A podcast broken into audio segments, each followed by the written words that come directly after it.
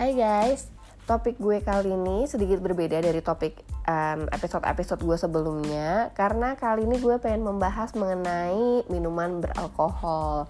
Tapi gue masih pengen memberikan diskusi mengenai minuman beralkohol ini in a positive vibes Dan karena gue pengen leverage your knowledge about alcohol beverage So kita ingin menyorotinya dari sisi lifestyle dan juga dari sisi marketing.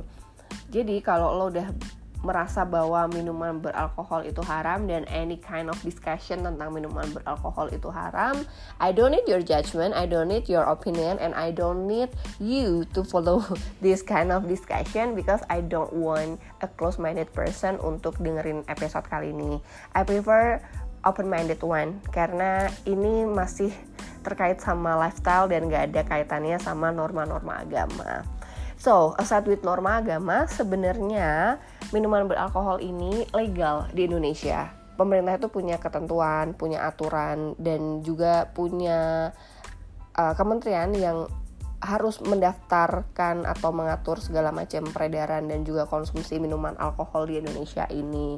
Jadi nggak cuma produsennya aja, nggak cuman uh, pabriknya, brandnya yang harus terdaftar, tapi juga tempat menjualnya itu, tempat penjualan alkohol itu juga harus terdaftar pada pemerintah. Sehingga kalau lo ngelihat um, tempat-tempat jamu atau toko-toko liar atau misalnya kafe-kafe yang nggak punya izin menjual alkohol tapi mereka menjual alkohol itu ada potensi untuk dirazia dan walaupun razia mereka tuh bisa kayak ketangkep gitu loh guys gitu. Jadi sebelum kita ngomongin alkohol harus udah tahu dulu ya bahwa ini kita di luar norma agama untuk membicarakan minuman beralkohol ini. Dan gue pengen menyoroti minuman beralkohol ini dari sisi lifestyle juga dari marketing Welcome back to my podcast Curhat 20-an with Mega Agnesti. Kenapa sih tiba-tiba gue pengen banget bikin episode mengenai minuman beralkohol khas Indonesia? Karena ini lucu banget guys. Minggu lalu waktu lagi peringatan kemerdekaan Indonesia Gue kan ke Cork and Screw nih. Cork and Screw ini adalah resto cafe gitu yang ada di Jakarta. Dan setahu gue di Jakarta dia ada tiga tempat. Ada di Senayan, Pacific Place sama Plaza Indonesia. Waktu perayaan HUT RI yang ke-74 uh, selama weekend itu dia tuh bikin spesial um, program ya yang namanya itu bar lokal.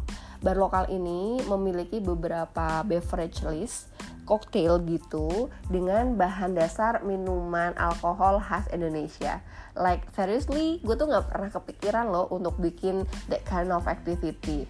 Mengemas minuman alkohol Indonesia yang citranya lebih banyak negatif menjadi sesuatu yang berkelas. Karena Cork and Screw ini bisa dibilang um, tempat yang cukup premium ya kalau untuk uh, ngafe ataupun ngebar gitu. Dan yang datang ke sini tuh lebih uh, ke middle up karena harga makanannya pun bisa dibilang cukup pricey. But the place is quiet okay fine lah ya. Gue suka banget sama Cork and Screw ini terutama yang di Senayan. So ketika gue datang ke sana dan ditawarin minuman-minuman um, cocktail dengan berbahan dasar alkohol lokal ini I think it's kinda such a good fusion gitu loh. Kalau kita selama ini seringnya dengar makanan fusion misalnya kayak sushi tapi matang gitu kan. Terus makanan-makanan fusion Korea ataupun makanan-makanan fusion Indonesia. Kali ini minuman Indonesia yang dibikin um, fusion. Yang dibikin lebih berkelas karena minumannya itu lucu-lucu guys. Kayak kalian yang suka mabu-mabuan. Gue yakin deh udah pasti sering denger beberapa minuman ini. Yang pertama cap tikus. Siapa sih yang gak kenal cap tikus gitu kan? Yang kedua sebagai orang Semarang mungkin gue bisa proud ya bahwa minuman ini berasal dari Semarang. Yang pertama ada congyang dan yang kedua ada anggur kolesom. karena diskusi tentang alkohol ini kita pengen bawanya secara positif dan live it up the brand itself. Jadi gue bisa bilang gue sangat bangga bahwa Semarang punya dua produk uh, minuman beralkohol khas uh, Indonesia yang cukup booming di beberapa kota lain dan secara nasional yaitu anggur kolesom dan congyang Selanjutnya nih guys, ada juga yang namanya intisari. Nih anak-anak yang suka mabu-mabuan di Jakarta gue tuh baru tahu intisari like five years ago like dari temen gue gitu. Hmm, gue pikir awalnya intisari ini adalah minuman pereda panas dalam. Ternyata aku salah guys. Ini tuh kayak anggur ginseng intisari jadi dia terbuatnya dari uh, berbagai macam uh, tumbuh-tumbuhan. Ada si anggur dan juga ada si ginseng itu. Oke lanjut ada juga ada juga tuak. Nah tuak ini kayaknya lebih terkenal di daerah Sumatera ya. Kemudian ada arak dari Bali. Ada sopi dari NT, NTT kan? Dari NTT dan ada apa lagi ya? Oh, udah itu aja. Cuman ada beberapa minuman itu aja guys. Ulang ya ada apa aja. Yang pertama adalah ada cap tikus. Kemudian ada congyang ada anggur kolesom ada intisari kemudian ada tuak ada arak dan oh ini ada satu minuman yang gue tuh nggak kenal deh namanya cempedak. Gue belum pernah tahu cempedak maupun kamput itu apa. Uh, karena di beberapa minumannya si Coke and Screw itu ada bahan-bahan ini. Nah itu gue belum pernah dan gue juga nggak nyoba kemarin. Yang gue yang gue coba dan um, karena gue selalu penasaran ya sama anggur kolesom jadi kemarin gue hanya nyoba satu minuman yaitu si anggur kolesom ini gitu. Well anyway speaking of minuman beralkohol khas Indonesia ini tentunya untuk beberapa uh, penikmat minuman alkohol sudah nggak asing ya dengan beberapa bahan yang gue sebutin tadi. Sorry be beberapa jenis minuman yang gue sebutin tadi. Ulang-ulang ya ulang ya gue suka lupa nih. Yang pertama ada cap tikus kemudian tadi ada intisari kemudian ada sopi kemudian ada arak lalu ada uh, cempedak dan juga kamput which is gue nggak pernah tahu ini dua minuman ini terus ada congyang dan juga ada anggur kolesom. Oh iya, si cap orang tua ini juga punya uh, anggur putih sebenarnya guys. Cuman anggur putihnya kayaknya nggak terlalu fenomenal ya dibang dibandingkan dengan anggur merahnya atau biasa kita sebut dengan amer. Baiklah, ketika membicarakan minuman-minuman lokal ini, entah kenapa ya, yang ada di benak kita minuman lokal ini citranya tuh negatif gitu. Kenapa bisa negatif? Karena memang si minuman beralkohol khas Indonesia ini harganya kan murah ya.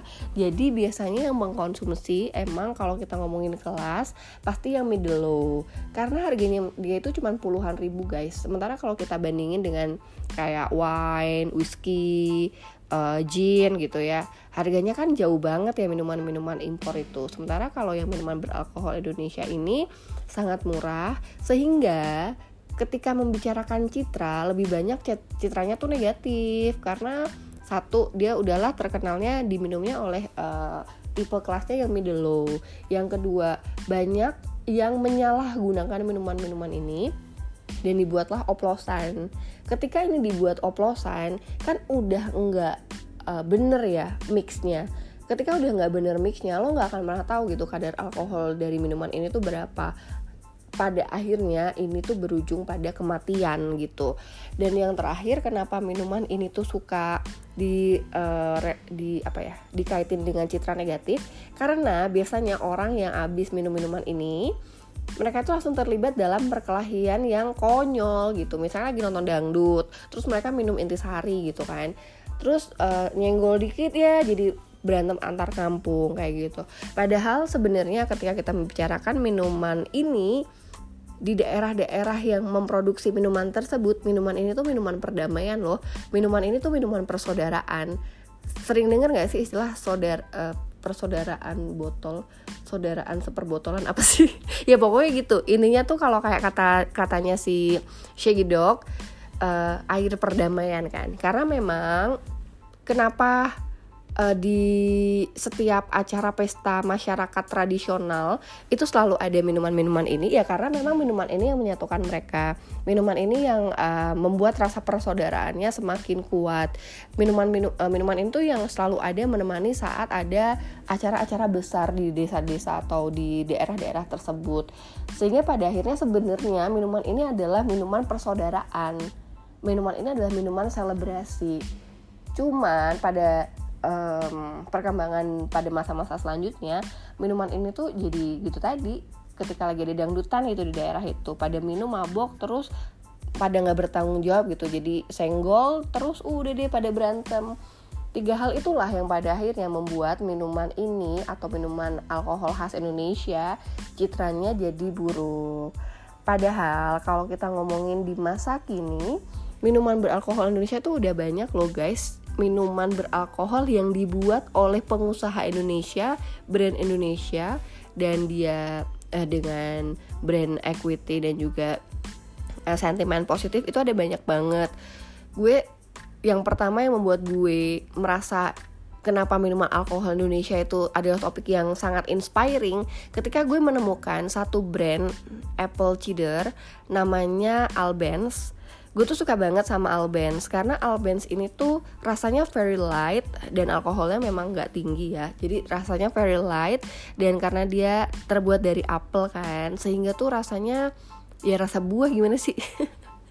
Gue pikir karena dia apple cider dia tuh berasal dari Eropa si Albans ini. Turns out awal tahun ini gue tuh baru tahu Al Albans ini merupakan brand Indonesia dan yang punya atau foundernya adalah cewek.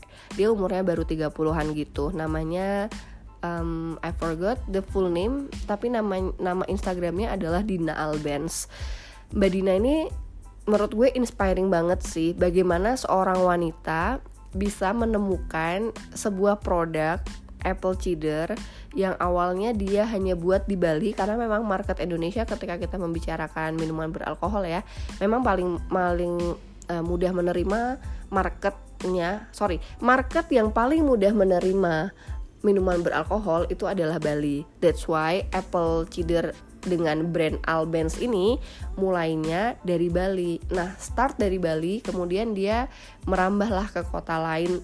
Kayaknya emang yang paling banyak adalah Jakarta.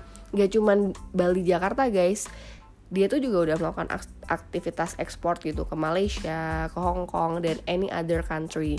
So menurut gue, ketika minuman beralkohol Indonesia bisa go international, itu udah sesuatu yang cukup keren sih. Bagaimana sebuah brand F&B Indonesia tuh bisa sedemikian kuatnya brand equity-nya kualitasnya juga gue bilang nggak kalah sama apple cider lain dan pada akhirnya bisa diekspor ke luar negeri itu kece banget menurut gue Mbak Dina. Gue bener-bener proud of you. Yang kedua ada lagi nih. Namanya adalah um, Sababai. Jadi Sababai ini adalah um, merek wine, ada red wine, ada white wine, ada rose. Sebenarnya ketika kita membicarakan rasa maupun kualitas dari Sababai, memang mungkin belum bisa di di compare sama eh, brand-brand dari Eropa ya, karena memang tipikal anggurnya mungkin berbeda juga. Oh iya, Albens tadi itu berasal dari Indonesia ya guys, bahan utamanya apel itu tadi. Kalau nggak salah nih gue pernah baca itu berasal dari Malang gitu jadi bahan bakunya pun asli dari Indonesia. Nah, dengar-dengar nih Sababa ini juga punya perkebunan anggur di Indonesia dan pada akhirnya dia bikin wine. Nah, you know lah ya, karena berbeda zong, berbeda zong, Allah, berbeza dong. berbeda dong um, apa namanya kualitas anggur Indonesia dan anggur Eropa. That's why menurut gue rasanya masih belum bisa di compare tuh wine-nya Sababai sama other brand yang dari Europe. Tapi rosenya gue bisa bilang very smooth dan manis dan enak. Jadi kalau rosenya Sababai ini buat cewek-cewek sih menurut gue oke okay banget untuk dicoba. Dan si Sababa ini brand Indonesia, dia perkebunannya di Indonesia dan sekarang meskipun mengawali di Bali ya dia udah mulai distribute ke other cities. Dan gue belum tahu nih apakah dia udah sampai luar negeri atau belum tapi setidaknya kita udah tahu bahwa si Sababa ini brand Indonesia dan distribusinya udah cukup luas. Nah gue tuh bertanya-tanya sih sebenarnya ada lagi uh, brand wine namanya Two Island. Tapi gue nggak tahu dia tuh dari Bali atau dari Australia. Gue belum ngecek Mo mohon maaf ya guys. Tapi gue sinyalnya kayak dia si Two Island ini dari Indonesia deh. Cuman mungkin sama sih kalau gue sih prefer Sababai dibanding si Two Island ini. Dan yang terakhir tentu kalian sudah tahu dong kalau industri bir di Indonesia tuh cukup kece ya. Salah satu brand yang paling terkenal dari Indonesia adalah Bintang. Bir Bintang itu merupakan salah satu brand yang cukup kuat di uh, market bir karena saingannya dia itu nggak cuman sama-sama lokal bir tapi juga dia bisa loh dibandingin sama uh, Gina sama Heineken sama um, kan gue jadi lupa nama-nama bir. Ya pokoknya sama Heineken dan temen-temennya itulah ya. Jadi si bintang ini cukup fenomenal karena dia bule bule-bule pun pada bilang bahwa bir bintang itu cukup enak. Sehingga ketika kita membicarakan itu ya minuman beralkohol Indonesia kita tuh nggak kalah saing loh guys. Tapi itu tadi ya karena di Indonesia mayoritas muslim sehingga pada akhirnya ketika membicarakan minuman beralkohol kesannya tuh tabu. Padahal kita kan masyarakatnya sangat majemuk ya. Dan kalau membicarakan minuman beralkohol dari Sabang sampai Merauke pasti punya minuman-minuman lokal daerah. Dan minuman ini sebenarnya kalau dikemas dengan cara yang menarik dan kreatif itu bisa menjadi produk ekspor produk uh, Indonesia yang sangat berkualitas gitu. Kayak contohnya tadi si Alabens kemudian bir bintang dan Sababay menurut gue itu adalah produk-produk yang cukup berkualitas. Dan kembali lagi tadi tuh ke acaranya bar lokalnya si Cork and Screw menurut gue ini adalah salah satu program yang cukup kreatif ya ketika lo bisa menghadirkan fusion minuman Indonesia ke dalam koktail-koktail yang lebih modern. Nama-namanya sih sebenarnya lucu-lucu guys. Jadi um, ada Bunaken Daiquiri itu isinya adalah cap tikus, fresh lime juice, homemade limo, sama China syrup. Ini anak-anak Intisari pas, pasti udah pada familiar nih dengan nama Inek. Atau kalau di perintisarian kepanjangannya adalah intisari nekat ya kan. Tapi kalau di Cork and Screw dia berisi intisari, gin, celery bitters, sama candied apparel. Nah, Shopee nih yang suka terkenal di NTT ada Sopi susu. Isinya adalah Sopi homemade rice milk, fermented cempedak, palm sugar, charcoal sama ada soda water. Nah, kalau yang arak ini ada na namanya adalah soda limun, ada aperol arak, rhubarb, yuzu lemon juice, half and half sama ada soda water. Kalau kemarin yang gue coba itu adalah lihat kebunku, itu berisi anggur kolesom, red grape juice, spice syrup, pineapple cordial sama soda water. Nah, kalau yang Chongyang mereka ada koktail namanya Lokale, isinya adalah Chongyang, gin, drum whiskey, kamput sama fresh lemon juice. Dan ada juga ada juga nih orang tua Negroni, isinya adalah local white arak, gin, grapefruit sama vermouth. Jadi menurut gue ketika ada pengemasan minuman alkohol lokal Indonesia dibuat semenarik ini masuk di kelasnya Cork and Screw dengan harga yang premium gitu ya dan kemasan atau packaging yang juga cukup premium. Ini tuh bisa ngangkat banget sih guys minuman alkohol Indonesia. Dan menurut gue um, ketika ketika membicarakan minuman alkohol Indonesia ya udah banyak loh uh, brand-brand yang mendapatkan izin pemerintah kayak si Capticus. Jadi ada brand namanya Capticus 1978. Ini yang kemarin gue lihat botolnya di Cork and Screw kalau nggak salah. Si Capticus ini tuh sudah mendapatkan izin resmi uh, dari pemerintah sehingga dia tuh bisa menjual um, Capticus ini udah nggak underground lagi dia udah bisa dijual di tempat-tempat atau toko-toko yang mendapatkan izin menjual minuman-minuman keras dan kalau gue baca beritanya itu si Capticus udah mulai nggak cuman uh, menjualnya secara underground dan hanya di daerah Sulawesi Utara aja tapi dia udah menjual ke daerah-daerah lain. Dan memang pasarnya yang paling besar adalah Papua. Karena kalau kita membicarakan Indonesia Timur ya guys minuman alkoholnya mereka itu memang cukup kuat. Se kadar alkoholnya tuh kalau nggak salah menurut gue seingat gue adalah 40 sampai 65 kali ya. Tapi mungkin kalau yang beredar di pasaran dan mendapatkan um, persetujuan pemerintah mungkin nggak nyampe 60 70 I don't know. Karena setahu gue kalau 70 itu udah nggak boleh kan. 70 kan emang buat luka. Jadi kalau 70 kalau alkohol yang diperbolehkan menurut gue setahu gue tapi gue nggak tahu nih eh, peraturannya secara spesifik ya kayak yang di bawah 60 Nah, ada lagi nih pertanyaannya, kenapa sih anggur kolesom itu disebut anggur jamu bukan miras gitu kan? Ya, yang membedakan antara uh, minuman beralkohol yang memang minuman memabukkan sama yang alkohol untuk jamu itu dibatasi oleh kadar alkohol.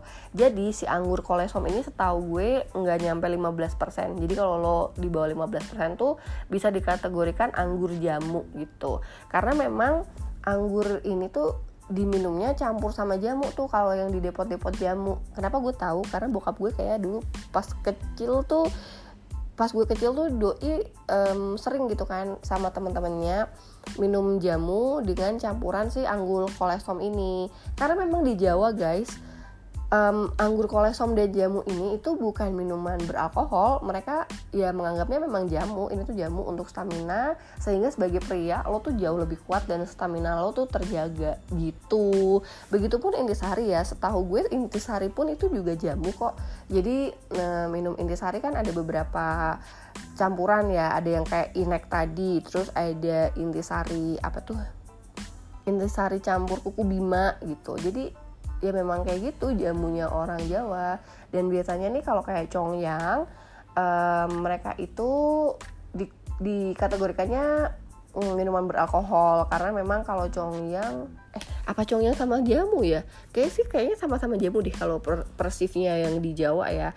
Tapi kalau si congyang ini dia itu kalau pas lagi acara kita nyebutnya acara melekan atau begadang atau acara melek malam pas lagi ada kondangan, ada acara-acara sedekah bumi dan perayaan lain-lain, itu memang yang selalu beredar adalah si cong yang ini, air perdamaian adalah si cong yang ini. Nah kalau untuk bahan-bahan dasarnya minuman alkohol Indonesia ini sebenarnya ada macam-macam ya, ada yang dari nila, ada yang dari siwalan, if I'm not mistaken, ada dari nira, ada dari tebu, kayak ciu itu setahu gue sih dari tebu ya, tetesan tebu, tapi ada juga yang bilang dari hal-hal lain gitu. Nah, menurut gue literasi Indonesia, literasi di negara kita nih mengenai minuman beralkohol uh, lokal itu tuh belum ada yang membahas. Dan ketika kita nyari-nyari ya uh, mengenai minuman minuman beralkohol Indonesia, yang ada yang keluar beritanya adalah penangkapan uh, minuman oplosan kayak gitu-gitu loh. Jadi memang secara brand pun di Indonesia ini ketika kita membicarakan minuman beralkohol, stigma masyarakatnya pun selalu negatif terhadap minuman beralkohol gitu. Karena memang itu tadi ya kembali lagi ketiga tiga hal yang gue sampaikan di depan. Um, yang yang minum alkohol tuh biasanya kalau yang lokal-lokal ini adalah masyarakat yang dari menengah ke bawah, kemudian mereka yang tidak bertanggung jawab sehingga suka terjadi um, perkelahian, terus belum lagi dioplos-oplos sehingga pada akhirnya menyebabkan kematian. Hal-hal ini yang pada akhirnya membuat kita um, tidak bisa mengemas minuman beralkohol khas Indonesia jadi hal yang lebih pencitraannya tuh positif gitu sehingga PR-nya sebenarnya cukup banyak banget ketika ketika kita pengen mengemas minuman beralkohol lokal untuk go internasional tapi ternyata sudah ada yang membuktikan bahwa minuman beralkohol Indonesia itu bisa go internasional tiga brand tadi dan gue cukup salut sama mereka yang bisa keep going di tengah um, masyarakat Indonesia yang sangat majemuk ya. Jadi sementara seperti itu dulu yang bisa gue bahas. Apa sih apa sih kesimpulan bahasan kita malam hari ini? Satu, bahwa sebenarnya Indonesia itu memiliki potensi yang sangat besar dalam mengembangkan um, minuman alkohol lokal yang bisa go internasional. Apalagi kalau rasa ya menurut gue itu um, rasanya minuman beralkohol Indonesia tuh cukup smooth. Gue nggak tahu ya kalau yang alkoholnya tinggi tapi kalau untuk beberapa yang gue coba itu cukup smooth. Bahkan arak Bali juga kan ada beberapa grade kan. Menurut gue arak Bali juga masih ada yang bisa diterima oleh orang yang nggak terlalu suka alkohol yang cuman minum alkohol untuk sosialisasi jadi potensi Indonesia untuk memiliki produk uh, minuman beralkohol yang bisa go internasional itu cukup banyak. Tinggal bagaimana kita sebagai masyarakat Indonesia lebih bisa mencitrakan minuman alkohol ini secara positif uh, dan juga bisa memilah-milah mana sih sebenarnya yang bisa bisa kita lakukan untuk memberikan citra positif kepada minuman beralkohol ini. Caranya gampang guys. Caranya adalah minum alkohol dengan bertanggung jawab. Gue zaman kuliah memang gue clubbing tapi gue tahu diri. Kalau gue masih minta duit sama bokap gue nggak mau mabok-mabokan. Walaupun dapat minuman gratis gue nggak mau. Karena gue punya nilai bahwa kalau gue minum minuman beralkohol gue harus pakai duit pribadi. Jadi uh, baru umur 21 ke atas gue baru memperbolehkan diri gue sendiri minum minuman beralkohol. Sehingga dengan gue lebih menjaga diri gue dengan aturan-aturan yang gue buat gue harus bisa bertanggung jawab dong dengan pilihan gue. Begitupun dengan kalian. Menurut gue ketika kalian memutuskan untuk oke okay, gue ingin mengkonsumsi minuman beralkohol gue harap kalian memiliki standar standar standar sendiri do and don'ts yang harus kalian lakukan saat mengkonsumsi minuman beralkohol. Oke, kalau gue tadi yang pertama adalah dengan jagain diri sendiri bahwa gue hanya boleh beli minuman beralkohol pakai duit gue sendiri, bukan duit yang minta sama orang tua. Yang kedua, gue harus tahu diri minuman mana yang gue kuat sama minuman yang gak gue kuat. Kalau untuk bir, gue masih bisa. Untuk yang uh, minuman beralkohol 5 10% 5 15% gue masih bisa tapi di atas 15% itu gue most likely udah nggak sanggup. Sehingga gue akan menahan diri gue untuk enggak go that further. Kalau misalnya gue mabok gue tahu limit gue. Oke minum segini efeknya akan ngantuk. Minum segini efeknya akan joget-joget. Minum segini gue bakal muntah. Nah gimana caranya gue nggak ngejagain diri gue sampai muntah? Yang ketiga uh, bertanggung jawab terhadap respon diri kita saat kita dalam pengaruh alkohol itu bisa kita kontrol banget guys. Asal kitanya masih logis. Misalnya gini karena lo udah tahu kan level mabuk lo tuh seberapa sehingga ketika lo mabuk dan lo udah tahu apa yang lo harus lakukan. Apakah lo harus dikelilingi teman-teman lo atau ketika lo udah aduh gue gue mabok banget oke gue pulang. Instead of lo nyari ribut sama orang-orang di sekitar lo gitu kan. Instead of lo berbuat sesuatu yang tidak um, sesuai norma sosial misalnya ya misalnya nih. Biasanya orang kalau mabok tangannya suka uh, gatel gitu kan laki gitu misalnya. Tiba-tiba dia grepe orang yang nggak dikenal terus jadi berantem di klub. Kayak gitu kan nggak bertanggung jawab men. Jadi please lah lo udah gede lo tahu mana yang harus lo jaga. Bukan orang lain tapi diri lo sendiri. Salah satunya adalah dengan menjaga perbuatan lo selama lo mabok. Keempat ketika lo mabok lo udah tau lah ya mabok itu lo banyakan gak sadarnya banyakan gak logisnya. Ya janganlah nyetir gitu. Lo tau gak sih udah banyak banget lah ya kejadian yang menunjukkan bahwa nyetir dalam keadaan mabuk itu nggak bener. Dulu tuh ya sering banget gue denger berita di bundaran hotel Indonesia tuh orang um, pakai mobil terus kayak mobilnya masuk ke dalam kolamnya bundaran HI just because dia mabok gitu terus ada lagi nih biasanya kecelakaan nabrak orang jalan nabrak orang sepedahan karena lo mabuk di dalam mobil itu. Kayak guys can you just be responsible for other people's life? Ya kalau misalnya lo mabuk lo jangan nyetir lah. Bisa nggak sih pulang naik taksi aja gitu? Karena itu yang gue lakukan. Kalau gue tahu hari ini gue pengen uh, pengen minum gitu ya ya gue prefer menggunakan taksi kalaupun pada akhirnya gue pergi sama teman gue dan teman gue nyetir gue make sure dia bisa nyetir. Dia nggak mabok gitu. Jadi please lah be responsible. Karena konyol aja kalau lo sampai nabrak orang dan orang itu sampai meninggal hanya karena lo mabok lo pikirin doang keluarganya lo pikirin banyak hal. Jadi be responsible itu nggak cuma masalah lo tahu diri lo lo tahu limit lo tapi lo juga harus bisa menjaga keselamatan lo dan orang-orang sekitar. Supaya nggak tewas karena hal yang bodoh gitu ya gitu deh guys diskusi kita mengenai minuman beralkohol ini. Semoga uh, minuman beralkohol khas Indonesia lebih bisa mendapatkan citra positif dan suatu saat pengen gak sih ngelihat lebih banyak minuman beralkohol Indonesia yang diimpor ke luar negeri dan gak kalah saing sama brand-brand dari Europe maupun dari Amerika. Good luck ya dan selamat merayakan Hari Kemerdekaan Indonesia. Mari kita isi Hari Kemerdekaan dengan hal-hal positif karena siapa lagi yang akan meneruskan negara ini kalau bukan kita. Good night.